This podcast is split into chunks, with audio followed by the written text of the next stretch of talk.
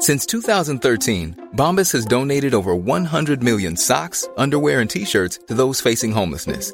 If we counted those on air, this ad would last over 1,157 days. But if we counted the time it takes to make a donation possible, it would take just a few clicks. Because every time you make a purchase, Bombas donates an item to someone who needs it. Go to bombas.com slash ACAST and use code ACAST for 20% off your first purchase. That's bombas.com slash ACAST, code ACAST. Quality sleep is essential. That's why the Sleep Number Smart Bed is designed for your ever evolving sleep needs. Need a bed that's firmer or softer on either side? Helps you sleep at a comfortable temperature? Sleep Number Smart Beds let you individualize your comfort so you sleep better together. JD Power ranks Sleep Number number 1 in customer satisfaction with mattresses purchased in-store. And now save 40% on the Sleep Number limited edition Smart Bed for a limited time. For JD Power 2023 award information, visit jdpower.com/awards. Only at Sleep Number stores or sleepnumber.com. Hallå! Simon Gärdenfors heter jag och snart börjar min podcast Arkivsamtal. Gå in på patreon.com arkivsamtal och bli avsnittsdonator. Bidra med ett par dollar så kan jag fortsätta pumpa ut en massa underhållning. Patreon är inte särskilt krångligt, men ännu enklare är det att bara swisha på 0760 72 47 28. Men om du är luspank så kan du väl åtminstone följa mig på Instagram. Där heter jag atgardenfors. Och en sak till. Alla mina gig hittar ni på gardenfors.blogspot.com. Men nu kommer Arkivsamtal, som klipps av min redaktör Marcus Blomgren. Mycket nöje!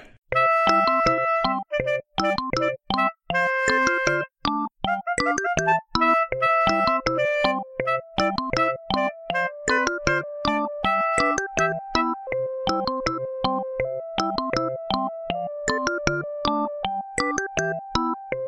och välkomna till Arkivsamtal.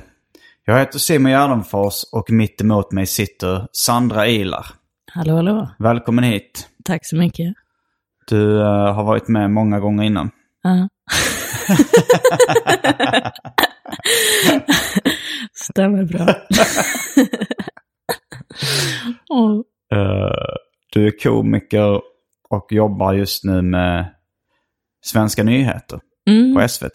Det är därför vi spelar in lite senare idag. Mm. För att jag kommer direkt från jobbet. Ja. Mm. Jag är lite uh, förkyld. Det kanske, det kanske hörs på min röst lite. Jag vet inte. Ja, är det någonting du har dragit med dig från Japan? Något så här otäckt? Nej, jag tror inte det. Nej, Jag tror... Uh, jag, jag det blev nog smittad. SARS. Har... Finns det kvar? jag tror inte det. Men så fort man ser en asiat med munskydd så tänker man ju SARS. alltså för det börjar dyka upp mer och mer i Sverige också. Munskydd. Ja, Men de körde ju för att antingen om, om de inte vill smitta andra med förkylning eller med... för att de har inte bli SARS. blä. Ja. Ja. mm. Ehm, temat i, ehm, i veckans avsnitt eh, det är dolda kameran. Mm.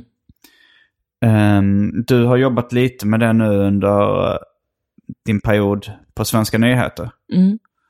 Och jag har jobbat med det framförallt under när jag gjorde samhällsjudo. Ja, och jag tror att vi hade samma filmare då. För Mm. nu under säsong två hade vi samma kameraman som du hade då. Var det Jens Rosengren? Ja, exakt. Mm, han, Jävligt är, rolig att jobba med. ja, han är jätte, jättetrevlig. Han sa att du var jävligt gränslös. alltså, det var inte exakt uh, quote nu, men Nej. att du saknar som alf, att du nästan blir lite psykopat. Ja, när du vet att det kan bli bra. Vet, Jo, jag- jag att du är kan- nästan gränslösare än Frej. Jo, jag kan nog stänga av mina känslor mer i en sån dolda kameran-situation. Ja. När man går in och gör någonting. Eh, att jag, fast jag tycker att Frej var rätt, eh, alltså just när han sprang in utklädd till Jesus i kyrkan och sprang fram mot altaret liksom. Och det, det, där var jag inte avundsjuk på det. Där kände jag, "Shh, för det här hade varit jobbigt att göra. Men jag gjorde väl eh, nästan lika, lika modiga saker som där handklova Daniel Helenius var nog det jag tyckte var jobbigast under Ja, Okej. den perioden. Varför då? För att han skulle bli arg på riktigt? Eh, också att chansen fanns, för det var inför publik, det var någon sån här pressdagarna på TV4. Mm. Eh, och att det fanns en chans att jag skulle misslyckas med det. Att för, för att jag skulle liksom sätta på handklovar mot hans vilja var tanken först. Eh, att bara liksom snabbt kränga Äh. på dem liksom.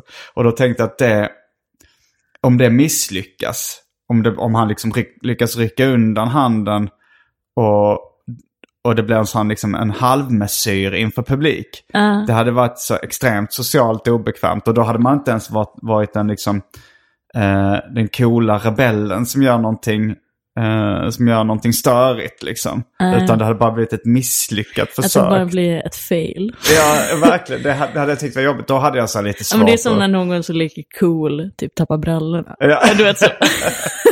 gå in med solbriller och skinnjacka och halka på ett bananskal. Ja, exakt. ja, men jag, ja, jag förstår det. Också, Mm. så här, också när man har en uppgift som man sitter och väntar på att man ska göra. Ja. Det är också lite jobbigt den här tiden innan. Ja. Sitter och bygger upp. Vi kanske ska prata lite mer om um, eh, vad du har gjort för um, dolda kameran-grejer.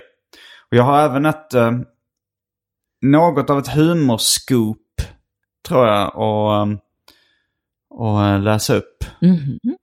Det får bli eh, en av Europas många cliffhangers.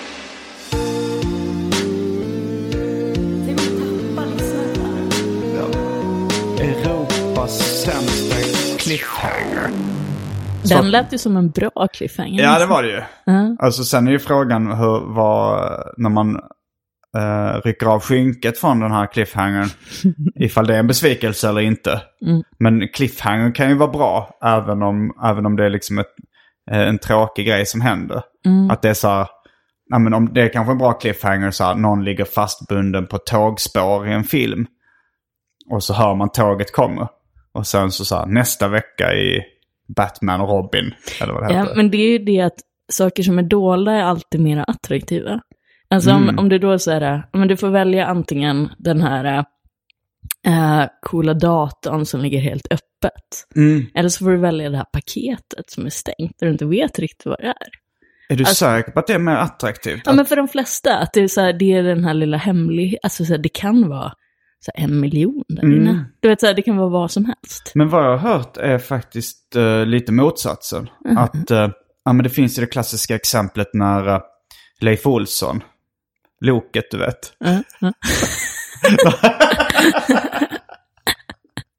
En jag, jag, jag, jag är loket med Leif Olsson. Alla ni som spelar Arkivsamtal Drinking Game kan nu ta en klunk. Okej. Eh, Nämns han ofta? vad sa du? Nämns- Leif Olsson nämns väldigt ofta. men, eh, men han fick ju det här klassiska erbjudandet. En krona per såld Bingolott eller en fast månadslön enligt kollektivavtal. Mm. Eller vad det var. Och han tog eh, den fasta lönen. Vilket i backspegeln var ett misstag eftersom Bingolotto blev en eh, omåttligt populär succé. Utan dess like. Ehm, men vad jag hörde någon, tror det var en psykolog som pratade om det som sa att men det han gjorde, han reagerade som de flesta människor gör. Som liksom ett normalt psyke reagerar. Att han valde tryggheten framför att gambla. Mm. Men jag menar inte just det man väljer, men det man upplever som mer spännande. Mm, Typ. jo, just mer spännande Ja, exakt. Mm. Alltså det att man dras mer till. Jo. Oavsett vad det är så känns det mycket mer så här, oh. Ja, ja, det blir spännande. men, men just, jag tänkte på den cliffhangern om då Batman ligger fastbunden på spåret eller om det är Robin i, i samma tv-serie. Mm. Och sen kan ju liksom, då, är cliffhangern stark, att man tycker det är spännande. Men Mm. sen så kanske det bara är så här, eh, något dåligt, när de liksom rycker av skynket från cliffhangern. När man ser nästa vecka så är det kanske bara så, ja men han lyckades knyta upp repen. Det är, så här, det är inte speciellt spännande upplösning på det. Nej, att tåget spårar ur. Eller Ja. man får stopp. Ja, det kanske, jag vet inte, det är kanske lite Men mer... det störigaste när man var liten, det var ju om det var en cliffhanger i någon serie, det är väl fortfarande idag, och att de ibland inte följde upp det. Var det så? Bara var det hoppade vanligt? över. Ja. Ja, men det, det tror jag har hört rykten om. Att, att de tänkte att det är så långt till folk har glömt att han hängde med, ut för en klippa liksom. Ja men exakt. Och sen så kanske gick repriser och då såg man ju dem efter varandra. Eller så. Så då blev det inte så. Att de bara, att det var så att, men om man säger då att Blixt Gordon hänger ut för en klippa och sen nästa avsnitt så bara sitter han på en stol och allting är som vanligt. Ja, det är sjukt. Eh, men, uh, nej men jag har, no, alltså, det, eh, vad vi pratar om idag pratar vi om uh, dolda kameran. Men busringningar är ju lite besläktat skulle jag säga med dolda kameran. Mm. Det är att man prankar Um, någon. så det är en, en busringningsrelaterat uh, eventuellt scoop kan jag, Mhm. kan jag fresta med. Ehm, men innan dess så ska vi kasta oss in på det omåttligt populära inslaget Välj drycken.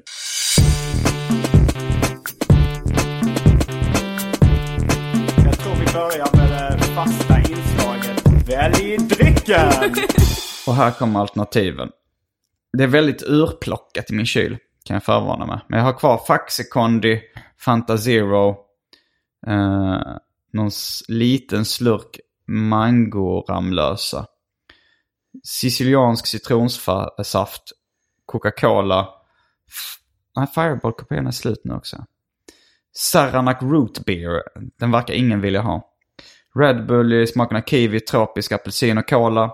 Häxblandningen, det vill säga alla drycker som fanns i mitt kylskåp innan det genomgick en så kallad corporate rebranding. Och för tråkmånsar och nejsägare, vatten. Bonusdrycker. Eh, jag har förberett uh, kockpärs kokande vatten. Mhm. Vem är Eh, kockpär?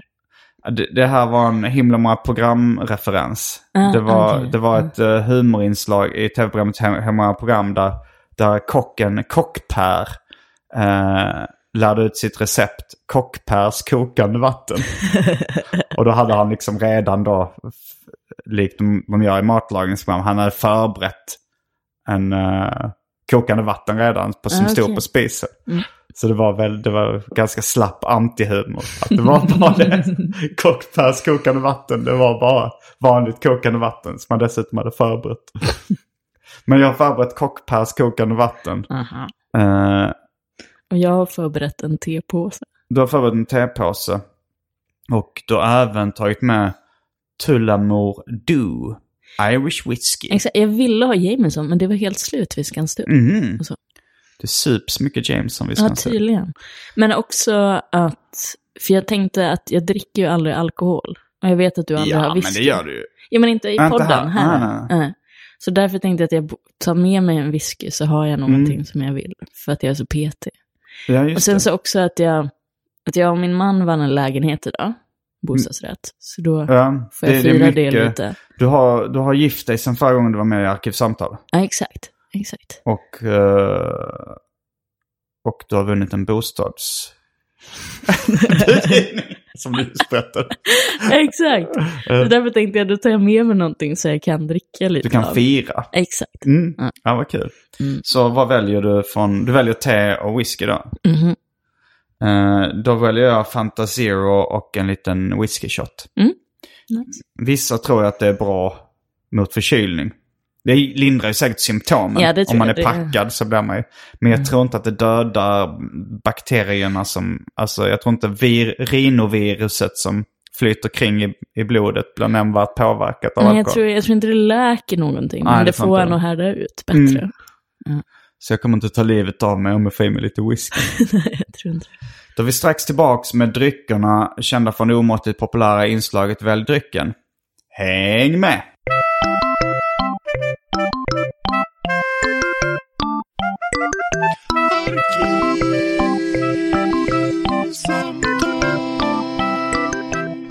Då är vi tillbaks med dryckerna. Ehm, Ska du köra en ubåt igen? Eller ska du nej, jag ska inte köra en ubåt igen. Det gick så dåligt förra gången. Har du Det hört var om- senast jag var här. När jag kö- körde en, ja, då körde en ubåt så, så det skvätte på mig. Ja, ah, exakt. Det gick jag- väldigt vilt till. Men jag har berättat i Specialisterna podcast om eh, när jag gjorde en ubåt efter det. Okej. Eh, jag vet inte om du har hört den här storyn, men det var när vi hade festat med mm, ja, vi hade avslutning tror jag. Eller när vi, vi hade kört Vesslan och Benne i, i Stockholm på Bonden bar. Och, eh, och så söp vi mycket med liksom bartendern från Bonden bar. Eh, en kvinna med rätt stora pattar. Inte hon där gamla. Nej, hon, är inte Mm. hon var inte gammal. Det fanns en ung. Kanske, hon, den gamla kanske också har stora pattar. Det är hon. Lena, hon, hon som aldrig duckar. Alltså hur mycket drev den var mot Kringland så avbokar hon inte. så jävla Ja, det är hjälte. Ja. Men, eh, men då, då så söp vi så in i helvete och jag, och jag snackade om att beställa in en sån stövel med en ubåt som... Ja, det var eh, Andrea, min flickvän, köpte en sån. Det var nog ingen stövel, men det var en jättestor öl som man sänkte ner liksom en jägershot i. Och jag blev aspackad. Och det var då en, eh, en kille som eh, stötte på den här bartendern från Big Ben när vi var på Kellys och efterfestade där. Som var lite så här närgången mot, eh, eh, mot henne, eller så här, tog lite på henne liksom. Och Andrea frågade mig så här, tror du inte att han, hon blev lite obekväm av det här? Och då tänkte jag att jag skulle spela lite hjälte och eh, imponera lite på, kanske framförallt min flickvän, men också på resten av sällskapet. Och så här, skulle liksom fråga henne om, han, om hon var besvärad av den här eh, mannen. Och i så fall skulle jag be honom att gå därifrån. Men jag var så packad så när jag liksom lutade mig fram mot henne för att fråga det. Så trillade jag över bordet, välte ut två öl och landade med ansiktet mellan hennes pattar. Smart. Så det blev lite antihjälte-effekt. Men det var förra gången jag drack en ubåt i alla fall. Ja, ja, ja. Bra, bra, bra. Men du frågar inte medan du låg på hennes patta. Besvära den här mannen, då är det med mig själv jag syftar Den på. andra mannen, han jobbig.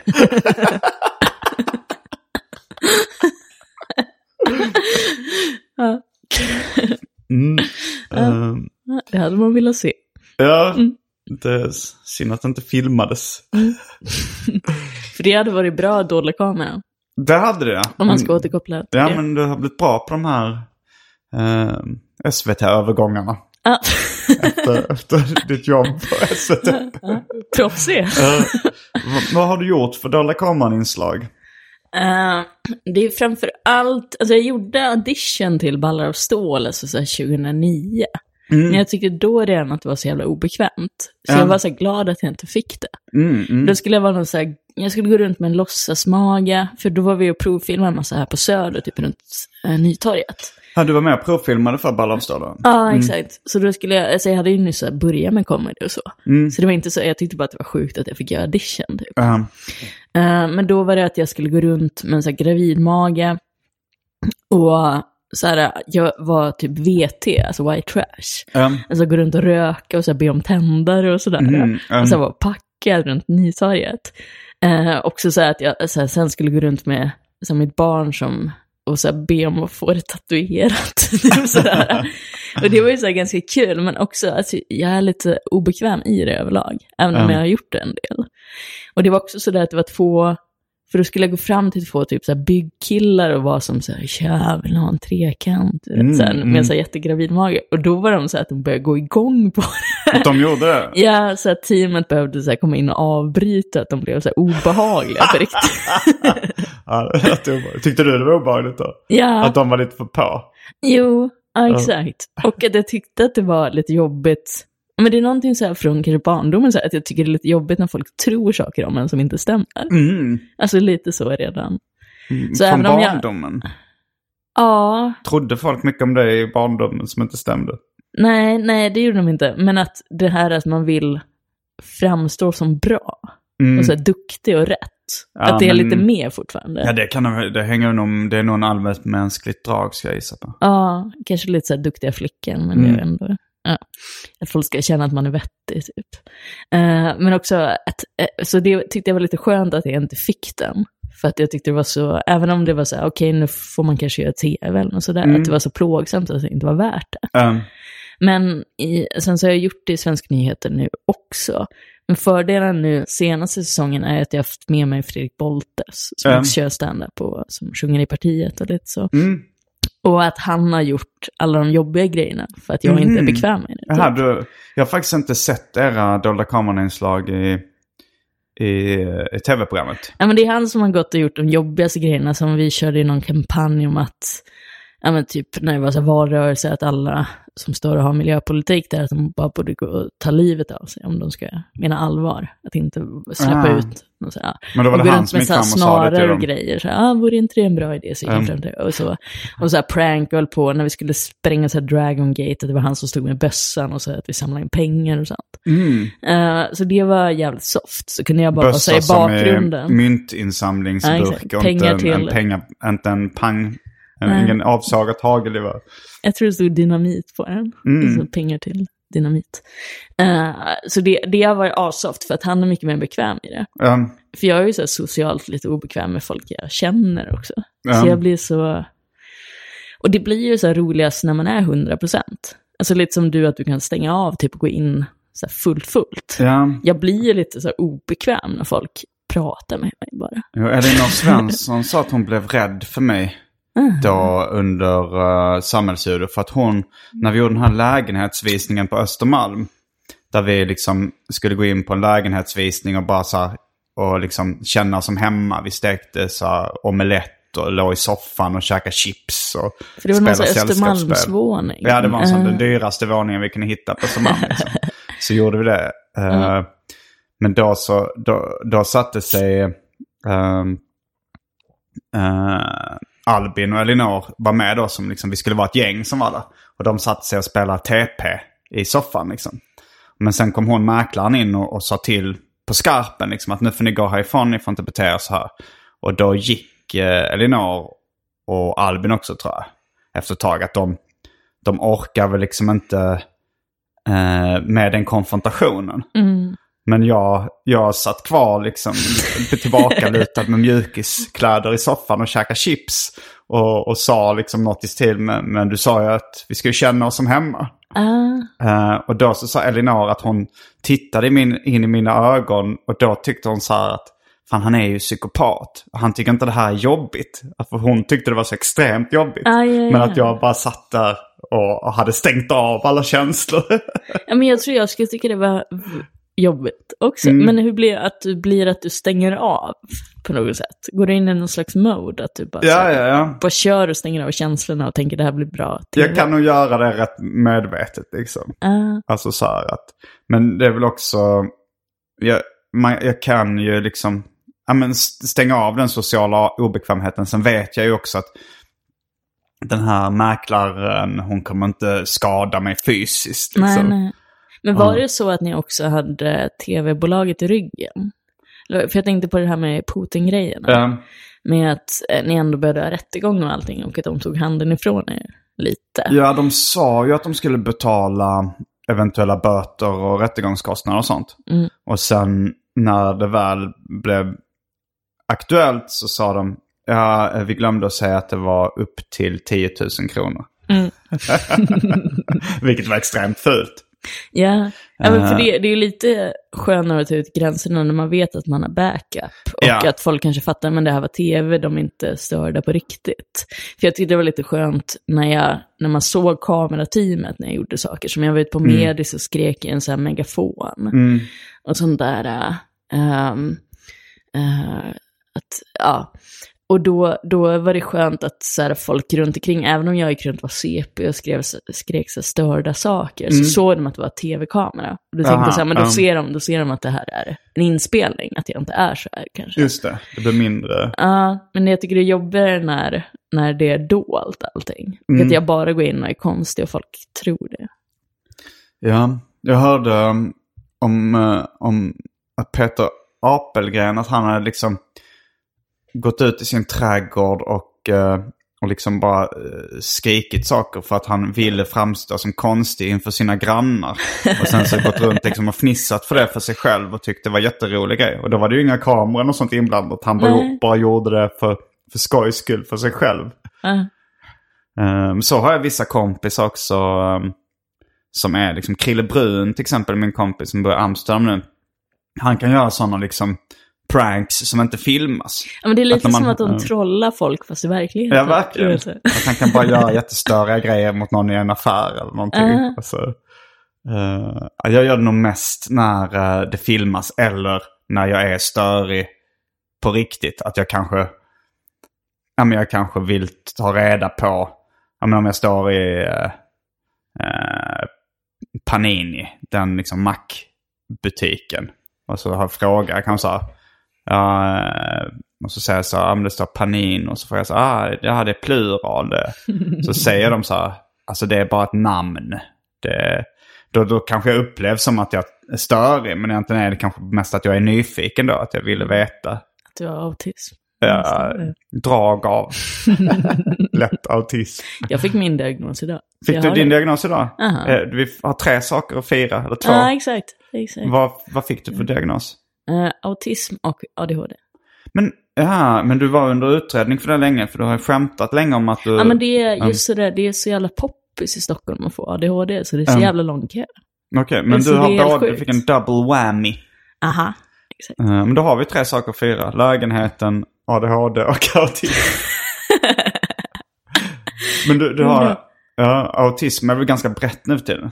Ja, det är ju det, men det är ju mycket sådär, som till exempel då att jag har svårt att välja en dryck jag själv inte, bara för att säga, men jag kan ta väl det. Ja. Utan det ska vara exakt det jag gillar. Och så är det svårt att anpassa sig överlag och jättesvårt för ljud och människor. Och... Mellan tummen och pekfingret. Tror du att jag skulle fått en autismdiagnos om jag hade Jag tror du kan få det, skulle jag nog tro. Mm, Ja. Spännande. Ja, jag var mest nöjd att jag fick, att jag, att min intellektuella kapacitet var mycket över medel. Oj, oj, oj. För jag har aldrig tagit intelligenstest, för jag tycker det är lite töntigt. Men när någon annan har gjort det åt en, så är det lite mer... det var bättre var mer- än vad bränning fick Exakt. på sina... det var det jag tänkte. Så, jag vill inte vara Jag dum kommer i inte ihåg vad han fick, men jag för han, han brukar skämta om det på scenen. Jag för mig att han hade lätt för rumslighet. alltså, såhär, Lätt för rumset. ja men typ såhär, placera saker Mm. i rum. Såhär, konst... Ja, men Och svårt för allt annat. Jag har ju, jag är tvärtom, eller inte exakt tvärtom, men jag har ju väldigt, väldigt dåligt lokalsinne. Ah, ja. Det var Ah. eh, alltså extremt dåligt. Nu i Japan så var det så här att eh, det, det är väl också lite sådana grejer som där folk tycker är rätt störig. För eh, men jag var och käkade ramen och då hamnade jag på ett, ett halal-ställe. Där det var så här halal uh, currytskemen. Dipping ramen med liksom currygrejer. Och, eh, och de andra i gänget då, uh, Jofi, Anton Albin och Nanna Johansson. eh, de ville supa. Det ville de hela tiden den resan liksom. Från morgon till kväll. Jag beskrev det som att det var som att vara på semester med fyra Sven Melander från Svenska Sällskapsresan. eh, så att när, när det visade sig att man inte kunde dricka öl på det här halal stället eh, Eh, så stack de till en annan bar bredvid. Eller till en bar bredvid. Och när jag kom dit så, eh, så tog jag också en öl. Men jag tyckte det var lite kallt där inne.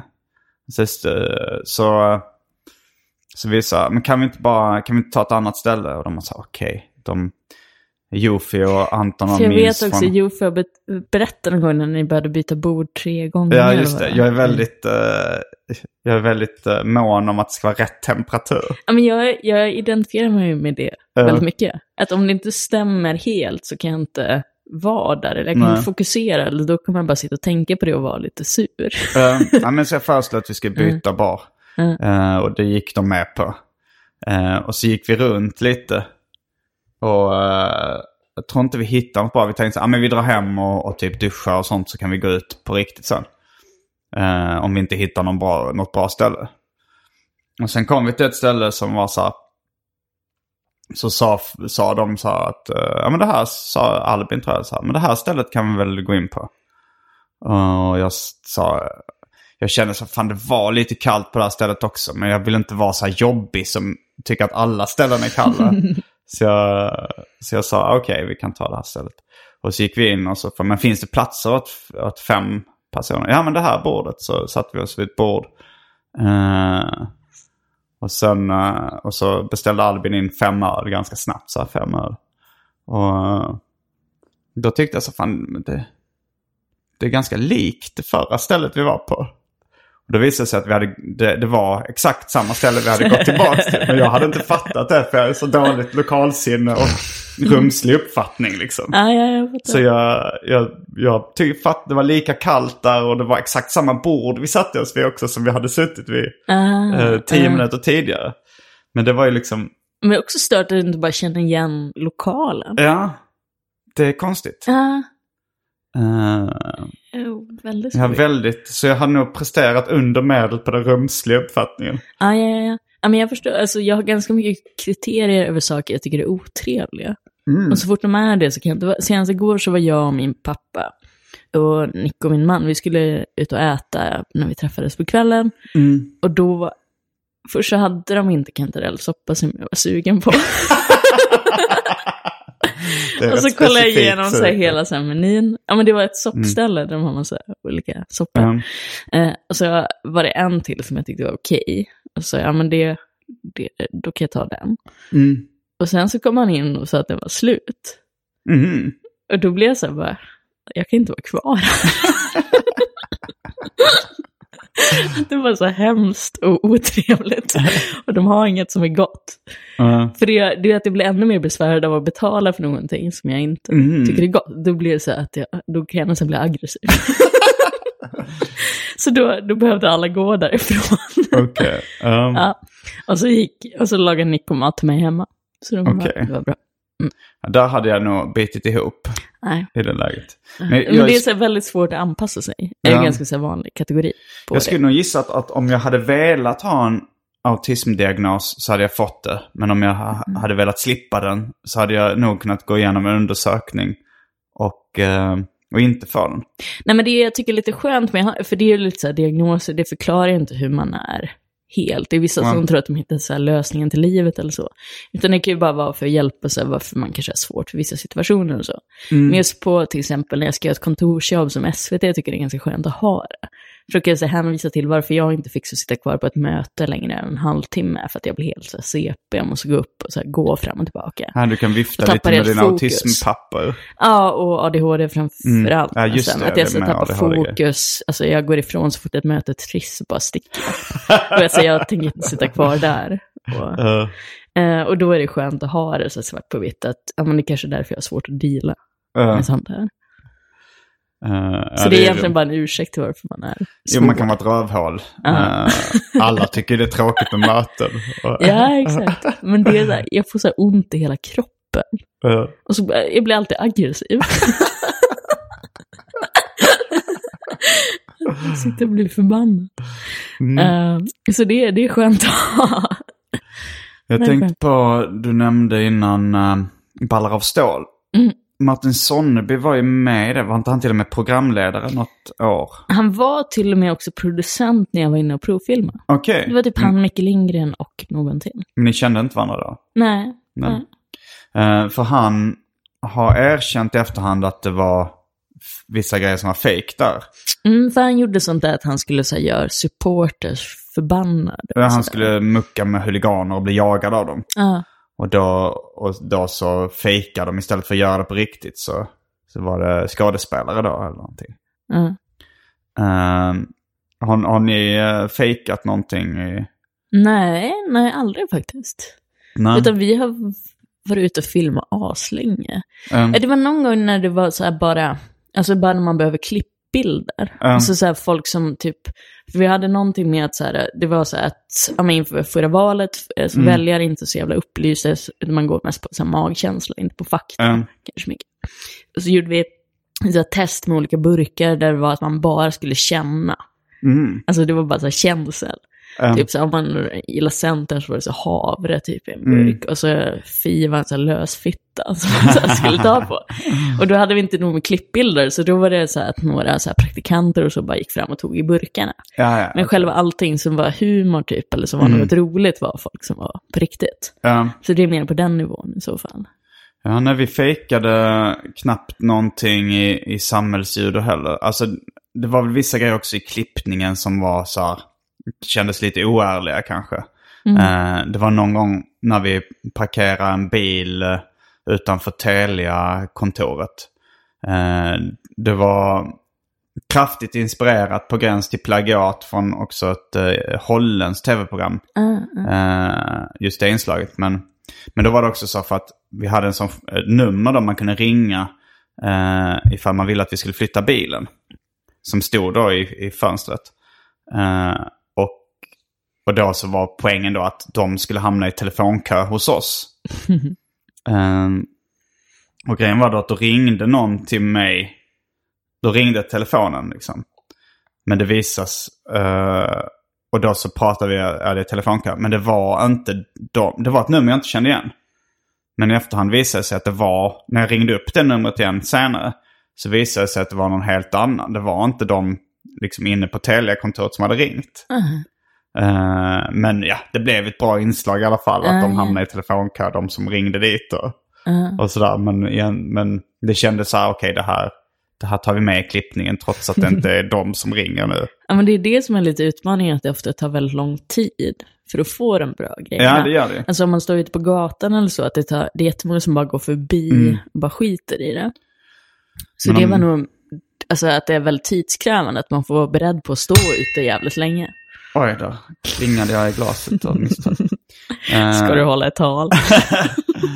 Nej men det, var, det är folk som liksom är i tv-branschen som har sagt så att man ser på till exempel samhällsljud och att det inte är fejkat. För det är väldigt vanligt har jag hört i dolda kameran-inslag att det ska vara fejkat. Jag tycker det tydligaste jag har sett är, eh, jag tror det gick på MTV, The Jamie, Ker- eh, The Jamie Kennedy Experiment. ah, ja, ja. Jag tyckte det var så uppenbart fejkade inslag hela tiden. Jag tror att det är, och när man kollar på så gamla dolda kameran så är det väldigt mycket som är Men det är nästan är lite för bra också. Mm. Och det är där, eh, det är nu, apropå det här som vi ska komma in på, um, scoopet. Jag ska bara hämta min mobil. Och läsa upp. Så Jag det fick- har inte med dig att göra. Nej. Ehm, det var min kompis uh, Jocke Boberg. Som också har varit ehm, gäst i den här podcasten. Vet du vem det är?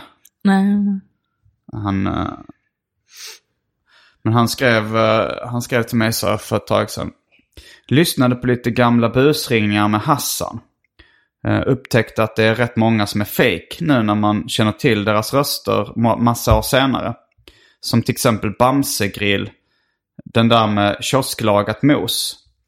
Där hör man ju att det är Schyffert som imiterar en invandrare. Tänkte att det skulle intressera dig. Jag lyssnade på den och jag tycker, jag tycker att man hör att det är, att det är Schyffert som... eh, Är det mycket liknelser han drar? jag skrev till, eh, i, i god journalistisk uh, sed, Mm. så skrev jag till Schyffert eh, på Instagram. Han har lagt ner Facebook. Ah, ja, Och han har, vi har ju skrivit till varandra tidigare där. Och då har han svarat. Jag skrev det i och för sig för kanske fem timmar sedan eller någonting. Mm. Han har inte svarat då. Då skickade jag det här smset och frågade då om han hade några kommentarer kring det. Så vi, vi Jaha, du inte fått svar. jag har inte fått svar nej. Eh, eh. Vilket, eh, Så det är ovisshet. Men då kan man ju uppmana alla att gå in och lyssna. Nice. Yeah. What you're hearing are the sounds of people everywhere putting on Bombas socks, underwear, and t-shirts made from absurdly soft materials that feel like plush clouds. Yeah, that plush. And the best part? For every item you purchase, Bombas donates another to someone facing homelessness. Bombas. Big comfort for everyone. Go to bombas.com slash ACAST and use code ACAST for 20% off your first purchase. That's bombas.com slash ACAST. Code ACAST.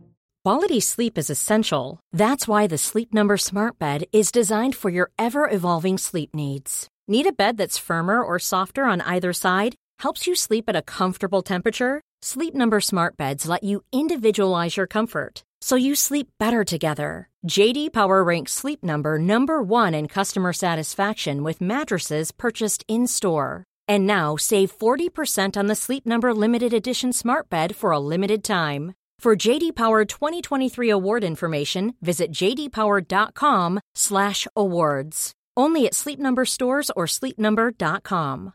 This is Paige, the co-host of Giggly Squad, and I want to tell you about a company that I've been loving, Olive and June. Olive and June gives you everything that you need for a salon quality manicure in one box. And if you break it down, it really comes out to $2 a manicure, which is absolutely insane. It's also so easy to get salon worthy nails at home with Olive and June. The difference between how your nails used to look when you did them yourself and now with the Manny system is a complete game changer. The best thing about Olive and June too is it's a quick dry, dries in about one minute, lasts for five days, and full coverage in up to one to two coats. Visit oliveandjune.com slash perfectmanny20 for 20% off your first system. That's oliveandjune.com slash perfectmanny20 for 20% off your first system.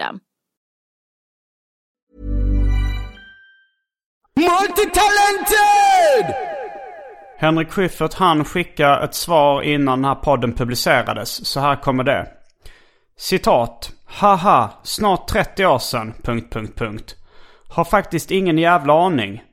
Minns knappt vad jag gjorde i somras, smiley. Och ledsen för sent svar, hjärtemoji. Och för uselt svar, smiley. Slutcitat. Multitalented! Ja, vill du lyssna nu och göra en egen bedömning? Annik? Okej. Eh, har ni hemlagad potatismos? Ja, vi gör potatismos av potatis. Mm. Är den hemlagad? Den är hemlagad. Ja. Hur transporterar ni den mellan hemmet och kiosken? Ja, vi, vi gör den i kiosken, alltså i grillen. Bor ni i kiosken? Nej, vi bor hemma. Men vad säger du? Uh, Schyffert eller inte? Jag tycker det är lite svårt. Alltså det svåra är just att Schyffert pratar så jävla stockholmska. Han pratar inte lika grov stockholmsk. Alltså, för det finns ju den här invandrarbrytningen som är jävligt stockholmsk. Att den är lite nertonad, men det är ju lite samma röstnivå. Alltså här- han har ju lite mörkare röst och lite... Ja. Han är, går inte upp i high pitchen så mycket. Och det är ganska likt. Jag skulle nog, eh, om jag var en jury, skulle jag nog 50-50. rösta på, att, eh, på en fällande dom. Ah, ja. ja men jag, är- jag blev misstänksam. Eh, men det är intressant att höra vilka, ja, det här, vilka andra som skulle vara fejkade. Det känns ju som att har de eh, gått över den gränsen en gång så är det nog ja. rätt många som är fake. Men också sådär att man vet lite, jag vet inte hur många säsonger Hassan gjorde. Men det där Ganska att, många. Ja, för det är också det där när det är så jävla tidskrävande att få ett bra. För jag tror Ja. absolut inte de satte alla de där asroliga på första, utan de satt nog och ringde runt dem i så fall asmycket. Och att man då eftersom kan bli lite mer slapp. Jo, Kanske ta in skådisar och mera. Och kanske då i Illusioner. första att de så märker så här, men det här är jävligt svårt. Men vi borde bara skriva det som vi vill ha det. ja, Och så kör man ut det. Jo. Så men- effektivitet kanske de tänkte. Jo, såklart. Att det, det är klart det finns mycket anledningar till fusk. Ja. Men eh, det är ju trist att det så här 20 år senare ska avslöjas i en ju- Ah. podcast. Eller avslöjas eventuellt. Jag tror fan det är fake. Fast det är alltså. ändå så här jävligt bra. I så fall så blir det så här, okej om det då inte är prankhumor så är det ju ändå bra sketchhumor. Ja, det För är de det är ju. ju ändå roliga. Så, ja. Det är väldigt mycket som är fake. Alltså så här i... Alltså som ger illusionen av att vara reality-tv och sånt som är fake. Mycket tv-serier som är jätterealistiska. Jo, men när, när, lite när man utger Ja. sig för att eh, det ska vara dokumentärt. ja men verkligen. Och det är fejkat, då blir, man, då blir jag besviken ändå när det... Men när jag, det alltså så här, jag och min man har sån guilty pleasure att vi ser på den här första dejten på SVT. Mm, För att det är så socialt än. obekvämt. Men ibland så är det ju så jävla bra att man blir så, men är inte skådisar? Men det är inte det där Daniela Gordon är med. Men, hon är med i något sånt SVT-program som heter något i stil med Kärlek vid första ögonkastet eller någonting. Nej, det är inte det när de ska gifta sig. Gift Jo, jo. första ögonkastet. Gift jo. Första dejten är att de har sin första dejt inför, inför kameror. Mm. Och ibland så är det så, men det är, det är helt stört vissa karaktärer som är med. Men, Och det som man vet inte om det då är att de söker sig till rampljuset, att det är så här, då kommer det konstiga människor dit. Mm. Eller att det är skådisar som är så jävla weird. Ja, eller att de kanske är då folk som tänker så här, jag vill göra någonting kul när jag är med i tv och säga Ja. någonting konstigt och, Ja och bli viral. Exakt. Och då blir, om man då skulle få veta att det var fake så skulle det ta ner jävligt mycket. Jo, Så det blir ju, ja. jag tycker lite att eh, Hassan, som jag var jättestort fan av när det gick på radio, att det blir lite besudlat av den här känslan av att det Mm. förmodligen är mycket fake. Men det ska bli intressant att se ifall Schyffert svarar eller om, Ah. eller om någon andra lyssnare eller något, har någon mer info. Eh, I det här, det var, i det här Det hade, det hade varit kul med en podd om hela Hassan-tiden på ett sätt. Ja, absolut. Så man fick höra, för Fredrik Lindström var och kollade på min sista Balla Balla Balla i Stockholm. Mm. Så var han i publiken och snackade vi efteråt. Och då pratade han bland annat om det där om att han på Hassan-tiden kunde vara mycket hårdare rent humormässigt Mm. än vad han kan idag. Att jag kunde tänja på de här gränserna som han själv tycker är kul. För även om jag har grov humor så sitter han och garvar åt det. Ja, För att han är, han är inte så tillrättalagd. nej. Privat kanske som han är. Men, ja, man kunde ju vara mer grov eh, för en stor publik på den tiden. Ah, Men det var ju svårare att få ut... ehm, eh, alltså så nu kan man ju få ut sin grova humor om vi gör Mm. en låt som knullar barn. Så kan vi släppa den för en ganska stor publik snabbt. Det tog rätt lång, tog tre år för den att bli borttagen från de stora plattformarna. Eh, medan på 80-talet fick man liksom långsamt, långsamt sprida kassetter via, eh, via postorder och kopierings... Eh, med dubbelbandspelare liksom. Man kan inte vara 100% första gången. Här, lite eftersom, kanske. Vad sa du Att det blir så lite eftersom och tänja mer och mer. Du menar tänja på gränserna? Nej, jag menar Ja, tänja på gränsen men också få ut det mer och mer. Alltså så att man kanske då får börja och inte vara supergrov. Och så får man ut det lite. Menar du på 80-talet nu eller på... 80, 90, 20. Ja, för jag tänkte nu, alltså de här, jag menar Roy Rövmun och Binnike Bengts orkester som vi pratade om i ett avsnitt av Arkivsamtal med Ika Johannesson. Mm. Att det var en av de första så riktigt grova låtarna jag hörde. Alltså så Ah. första könsrocken i stort sett. Men det var ju liksom på en kopierad kassett som min brorsa gav mig. Men nu kan man ju liksom sprida sånt mycket snabbare och få en större publik. Mm. Eh, Ja men exakt, för då var det som så här, men då skulle SR acceptera det man gjorde. Och så kan det visa sen att det finns lyssning på det. Sen kan Ja. man tänja lite mera. Och sen så här. Ja, du, du att det var mycket så längre, Ja. ja exakt. Att det var mycket längre process än vad det är nu. Nu kan man bara släppa det så får folk deala med det. Jo, och du kunde ju släppa det då på kassettband också, underground. Mm. Eh, men att det var inte riktigt lika effektivt. Eh, men samtidigt så var det ju då i, i SVT och SR var de grövre. Alltså skämtade mycket grövre. Och sen fanns det ju inte liksom, det var inte riktigt lika känsligt med rasism och transfobi och, och homofobi. Mm. Kan, eh, homofobi kanske var lite känsligt, jag vet inte. Exakt. Nej, det var det nog inte heller. Det Nej, jag tror inte mer, det. eh, Folk, folk var inte medvetna. Nej. De bara gick runt och var omedvetna och bara garva. Men, eh, för, har du någon gång varit med om en situation när du har gjort prankhumor eller dålig kamera på olika sätt? Att det har blivit obehagligt? Att det var lite obehaglig situation. Ja. så du har själv känt att det är lite olustigt? Ja, alltså det, nästan alla gånger liksom. Jag tänker att det är det som är bra, blir bra också. För det är ju jävligt mycket nerv i det. Ja, det är ju väldigt mycket nerv. Ja. Alltså både busringningar och, eh, och prankhumor, alltså så här dolda kameran-humor. Det handlar ju mycket om det. För att det kan vara ett skämt som man har skrivit som inte är speciellt kul att säga på en standup-scen.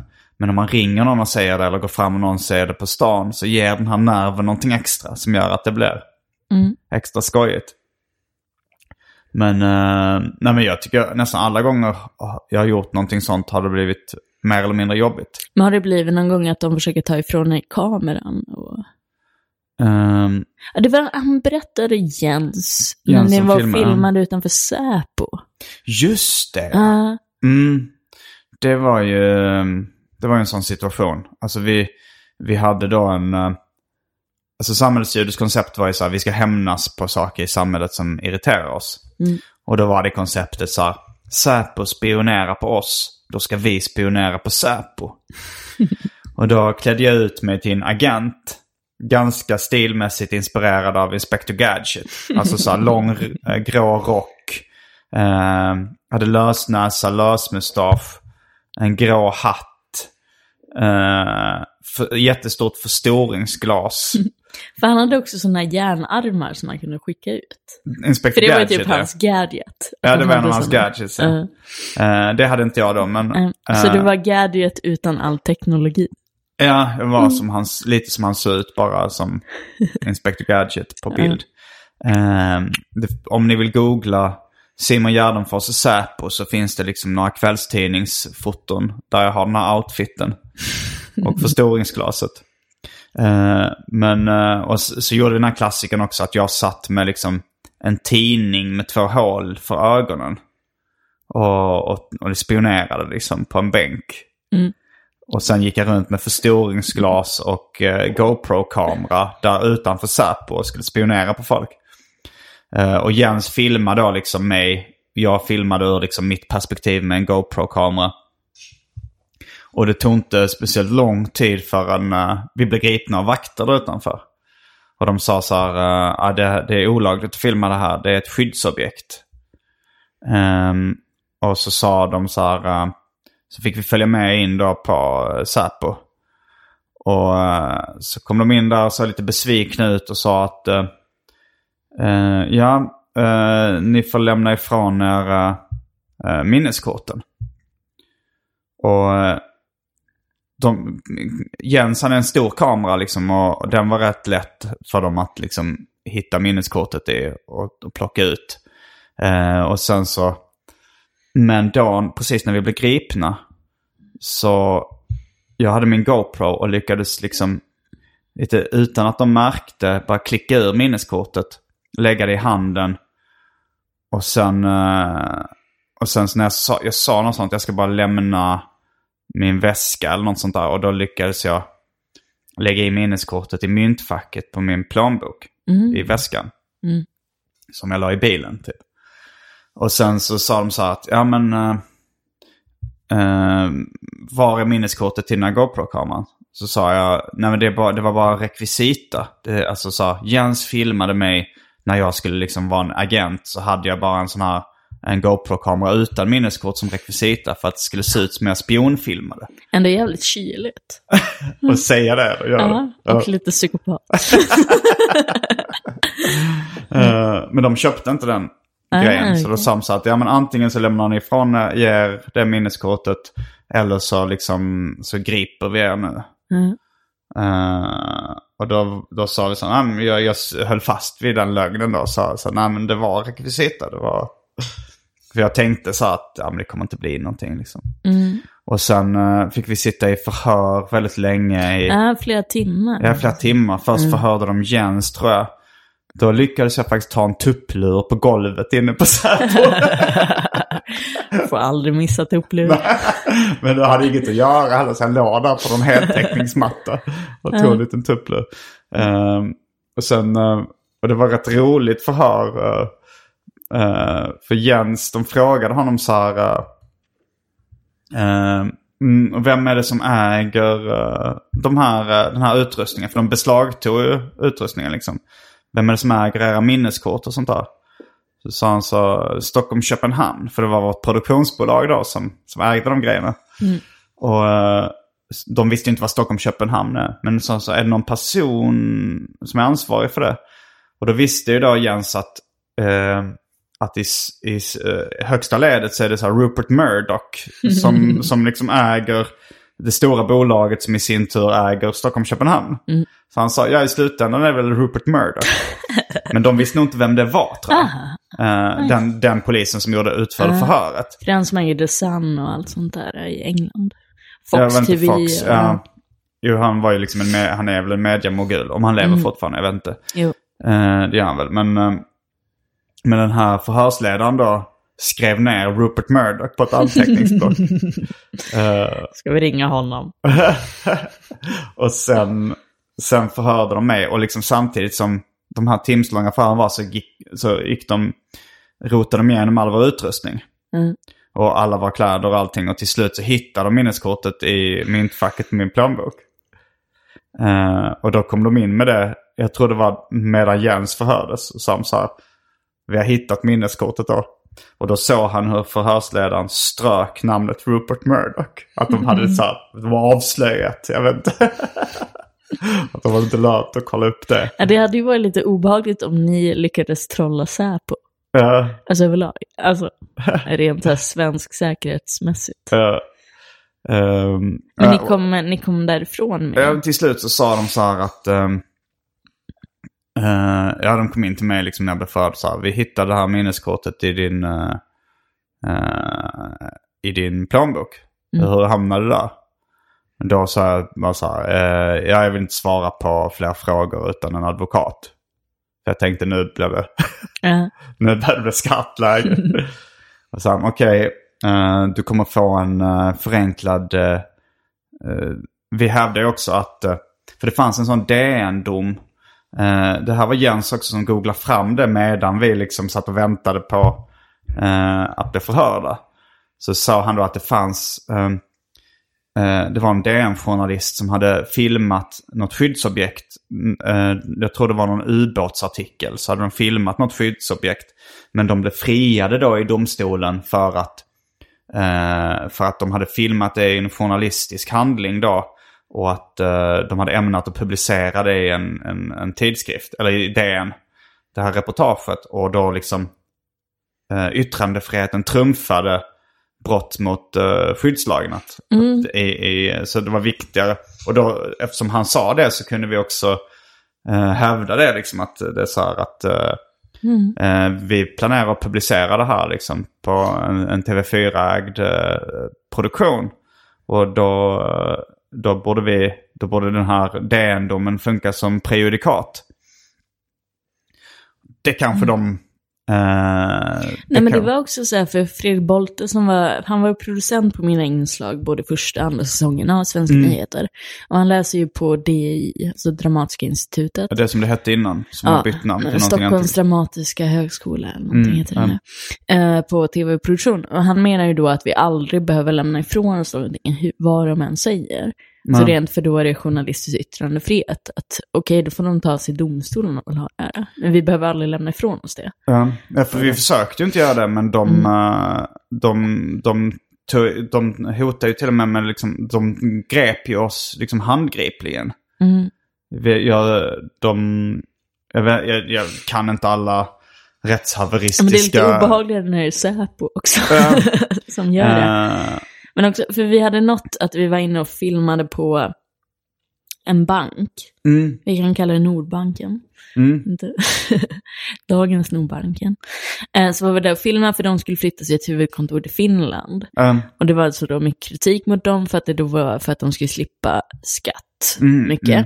Också att Sverige hade, rent staten hade gått in och då täckt upp för dem under 90-talet på finanskrisen med så Mm. 30 miljarder typ, oj. som inte hade betalat tillbaka. Och då skulle de flytta till Finland och då Mm. slipper de allt det där.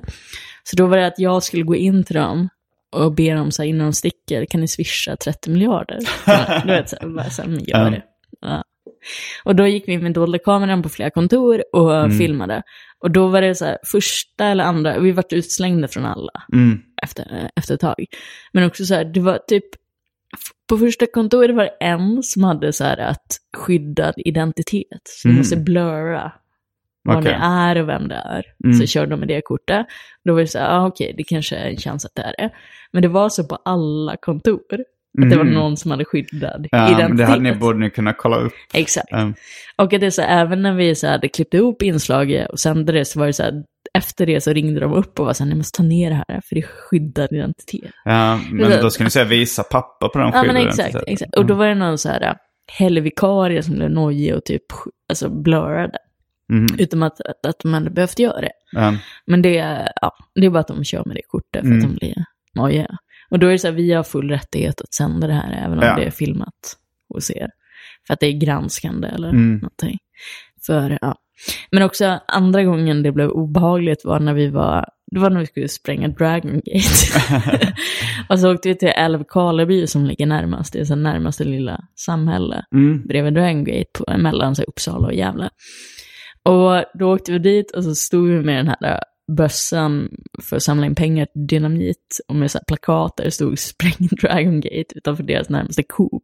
mm, Eh, och så här, tog folk så här, på vägen in så här, men vi ska spränga Dragon Gate och tyckte Mm. om det. Och så, så här, vissa var så att de fattade skämt och tyckte det var kul. Och så. mm. Men det som var så jävla weird var att så alla som gick in i butiken, för det hände inte så mycket i Älvkarleby tror jag. Så alla som gick in i butiken stannade kvar där inne för att ingen vågade gå ut. Så efter vi hade varit där någon timme var det så en hel så folksamling inne på som bara stod och stirrade ut och var så jättecreepy. Men de fattade, de sa att ni filmade eller? Ja, och till slut så kom den här föreståndaren för det där Coop och så skällde ut oss och bad oss att flytta. Och så, så. Mm. Så att hon skulle börja ringa säkerhetsvakter och allt sånt där. Mm. Tänkte vi så här, men vi har ändå fått material så vi kan sticka. Ja. Så vi behöver inte mer här. Och så tänkte vi bara ta så här miljöscener, att jag och Fredrik Boltes och Ernst Ruben, min hund, vi skulle bara gå runt i Älvkarleby och ta Mm. Så här klippscener. Och då så här, när vi tar en bit bort, för det är inte jättestort, så det är så här, även om man är kvar i centrum så Mm. ser folk en överallt. Och då så här, hela den där folkmassan kom ut från Coop och stod och stirrade. när vi tog alla våra gåscener. Och det kändes som att man hade någon så här folkmobb emot en som när som helst skulle komma med så här hö, högafflar och bara hugga ner. det var så jävla obehagligt. Ja. Och då hade vi inte gjort något som var så stökigt. Nej, Nej. verkligen inte. Förutom om de tog det på allvar att ni hotade med sprängning. Ja, Men, eh, men det vore konstigt. men just den här Säpo-grejen, det slutade med att om de sa ni kommer få en, en delgivning av misstanke. Eh, men den kom aldrig. Mm. Eh, och, och sen till slut så fick, fick vi en sån här lapp från då, polisen. Och så, så, ni kan hämta ut ert beslagtagna bevismaterial. Men det var då efter samhällsljud hade sänts. För de tänkte väl så att de ska inte få det här materialet så de kan sända det på tv i alla fall. Så de gav oss det efter programmet var sänt. Och sen kom det aldrig någon delgivning om misstanke. Ah, okej. Och jag hade ju lite kontakt med en advokat. Smart drag av dem. Ja, det var det väl. Fast också fult. Ja, ja. Eh, alltså det, det känns som, det var inte riktigt uh, enligt uh, uh, etik kanske, enligt deras, uh, vad- hur de ska reagera som en statlig organisation. Nej, men ändå så blir man lite stolt över Säpo. De kan vara smarta. Uh, De är smarta men omoraliska. Ja. Eh, men, uh, men sen så... Hellre det än dum och moralisk. ja, Om det är de som ska skydda oss ja, främst. dumma moraliska människor har ju visat sig vara fruktansvärda. De förlorar. Eh, men, men jag hade någon kontakt med en advokat då i och med uh, ryska staten framförallt.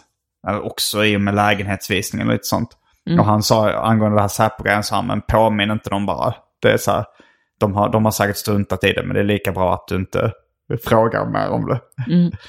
Eh, för det förmodligen, jag skulle nog gissa på att, eh, att jag inte har gjort något lagbrott eftersom det var då, ja men enligt DN uh, prejudikatet så skulle man nog kunna bli friad.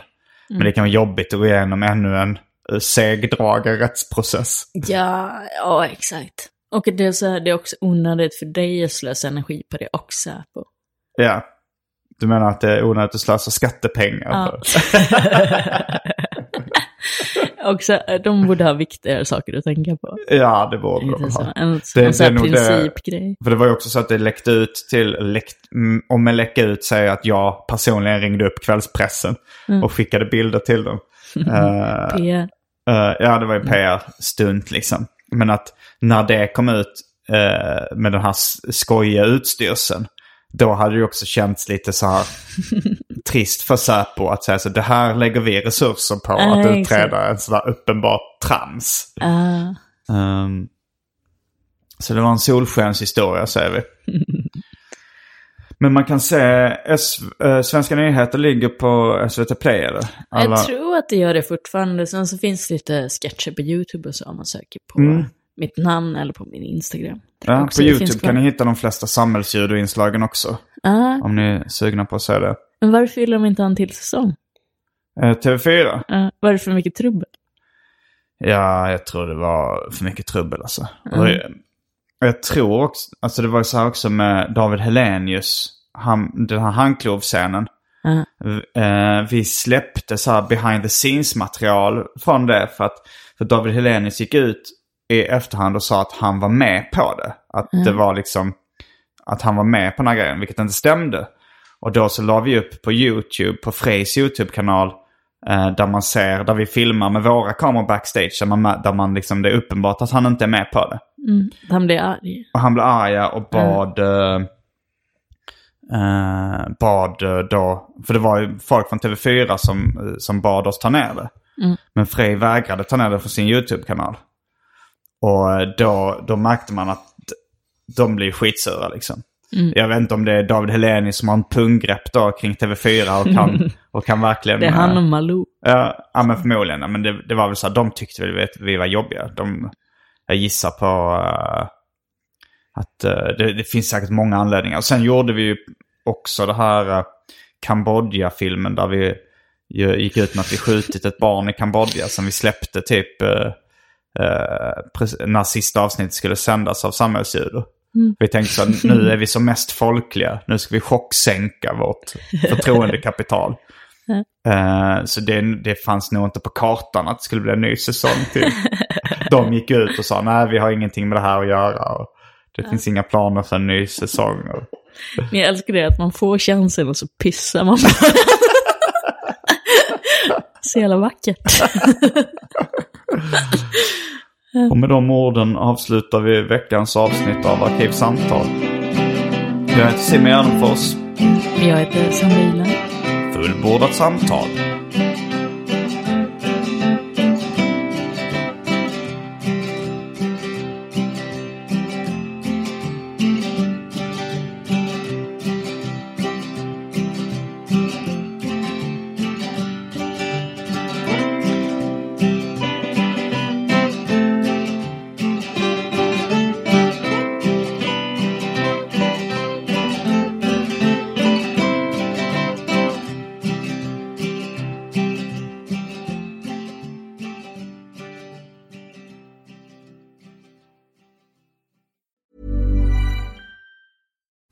Deserves the best, and there's no better place to shop for Mother's Day than Whole Foods Market. They're your destination for unbeatable savings, from premium gifts to show-stopping flowers and irresistible desserts. Start by saving 33% with Prime on all body care and candles. Then get a 15-stem bunch of tulips for just $9.99 each with Prime. Round out Mom's menu with festive rosé, irresistible berry chantilly cake, and more special treats. Come celebrate Mother's Day at Whole Foods Market.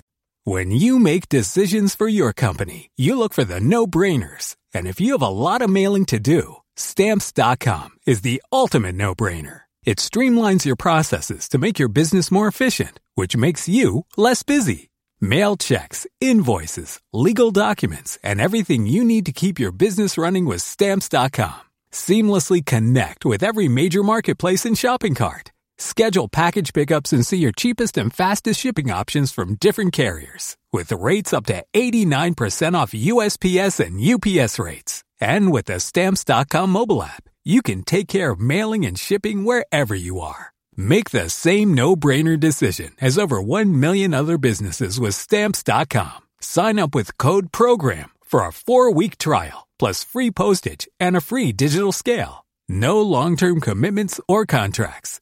That's Stamps.com. Code PROGRAM.